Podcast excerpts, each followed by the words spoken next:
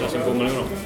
Ehm, jo, men det är väl mycket tankar som går i huvudet, självklart. Ehm, det har varit mycket tankar fram tills dess också, så att, eh, tills det, den här samlingen. Ehm, Men du var rätt säker på att komma eller? nej, det var man inte om man ska vara ärlig. Ehm, jag fick ju vara med väldigt mycket på slutet, men innan det så, så var jag inte riktigt med på tape- tapeten. Ehm, så man vet ju aldrig. Ehm, När du såg truppen, vad kände du Eller fick du reda på det? Nej, jag fick inte det. för Vi följde det, jag och familjen borta i USA. Um, körde live där borta. Ehm, så det var skitkul, verkligen. Um, man gjorde en liten segerdans. Du, säsongen som har varit där? Um, det har varit ganska tuff i år. Ehm, vi har haft problem med skador där borta och eh, jag har fått hoppa runt på lite olika positioner på grund av skador. Men eh, eh, för min del har det ändå gått bra. Känns som det är många lag som har toppen förra året som har gått väldigt upp och ner. Alla slår alla. Ja, men det är ju lite tufft. Eh, framförallt med tanke på att de lag som går bra i ett år får spela otroligt mycket mer matcher och, och ha en mycket längre säsong än vad de andra har. Eh, så det blir lite tufft för spelare att eh, försöka återhämta sig till nästa säsong. Det har varit mest fokus på mig själv sista tiden. Eh, För komma hit i bra form. Och, som sagt, två bra träningar nu. Både igår och förrgår med mycket spel och bra fart. Ehm, Och så lite lättare idag. Men man märker på, på harmonin i gruppen att det är bra och att, eh, att alla förstår att det, det är något stort på gång. Så att, eh, en bra känsla. Vad säger du om eh, Malmö då? Nej, men nu är det lite bättre. Tror segern senast var, var positiv för dem. En tuff match mot Häcken, så de, så de gjorde bra och vann rättvist. Så att, eh, hoppas att, att det vänder nu. Du som har varit på träningsanläggningen där mot Malmö och tränat, så hur, hur har stämningen varit? Liksom? Ja, men den är, alltså, när en tränare lämnar så, så är det klart att alla känner en, en skuld. Spelarna och de runt omkring som har jobbat med honom. Att de, att de får känna en skuld att, att, att tränaren försvinner nästan lite på grund av dem. Jag hade liknande i Leeds i, i vintras när min tränare försvann. Eh, där jag kände att vi behövde byta tränare. Men när det väl hände så, så känner man sig att man är skyldig till det. Eh, så jag tror de spelarna i Malmö och ledarna runt omkring kände likadant. Men eh, jag tror också det behövdes i Malmö. Det behövdes något nytt. Jag gillade Magnus, grym person och grym tränare. Men det behövdes något, något nytt. Så att, eh, eller jag tror att det kommer, kommer gynna Malmö i längden. Hur har säsongen, om du sammanfattar den i Leeds, varit tycker du? Ehm, två delar. Positiv första halvan och otroligt negativ andra halvan för, för lagets skull. Ehm, vi ledde ju serien en bra, en bra bit in på säsongen och låg i playoff, tror vi låg trea när det, när det vände kring, kring jul. Och sen efter det så, så rasade allt. Ehm, så att, ehm, så att det är såklart andra halvan man, man kommer ihåg som, som, som spelar säsongen. Så att, eh, nej, det är tufft. För egen del? Nej, jag känt mig i bra form, spelat i princip alla matcher, hållit mig skadefri och fortsatt på, på, på den vägen från förra säsongen. Eh, fått en lite annorlunda roll. Jag, har bytt mittbackspartner nästan varje match och ytterbackar och varit på många röda kort. Så det har varit, det har varit otroligt rörigt. Eh, men jag har ändå, ändå hållit, hållit igång bra och presterat bra. Eh, men alltså, när man är i min ålder nu, när man blir lite äldre, så tänker man mer på laget än, än det individuella. Eh, så att, det är inte så att jag känner mig stolt med säsongen om vi säger så. Hur ser du på din situation i laget? Eh, kan du se dig i Leeds liksom, även nästa säsong eller börjar man tänka i andra banor? Nej, Jag är här nu, en av mitt fokus är landslaget. Eh, och jag har inte ens tänkt i de banorna om jag ska vara ärlig. Så att vi tar allting efter VM. Du blev ju delägare på väg in i klubben.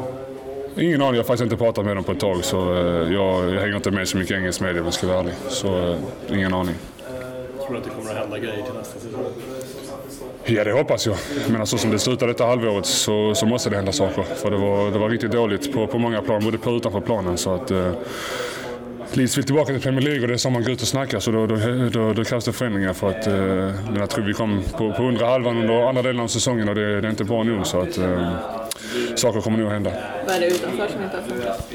Nej, det är mycket saker jag håller det för mig själv om jag ska vara ärlig. Och ta det med de personerna som, och har tagit det med de personer som, som, som ska höra det. Eh, som sagt, jag har, alltid, jag har alltid stått för att de elva på planen är de som kan, kan påverka mest och de som ska få mest skuld och mest, mest påverkan på det. Men även, även utanför så ska, ska folk ta ansvar. Så, eh, men jag, jag har tagit det med dem som, som, som det handlar om.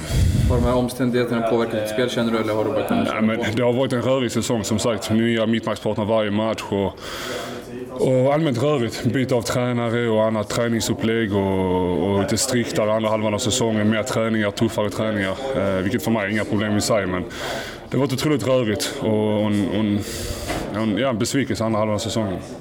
Hur ser du på din roll här i landslaget?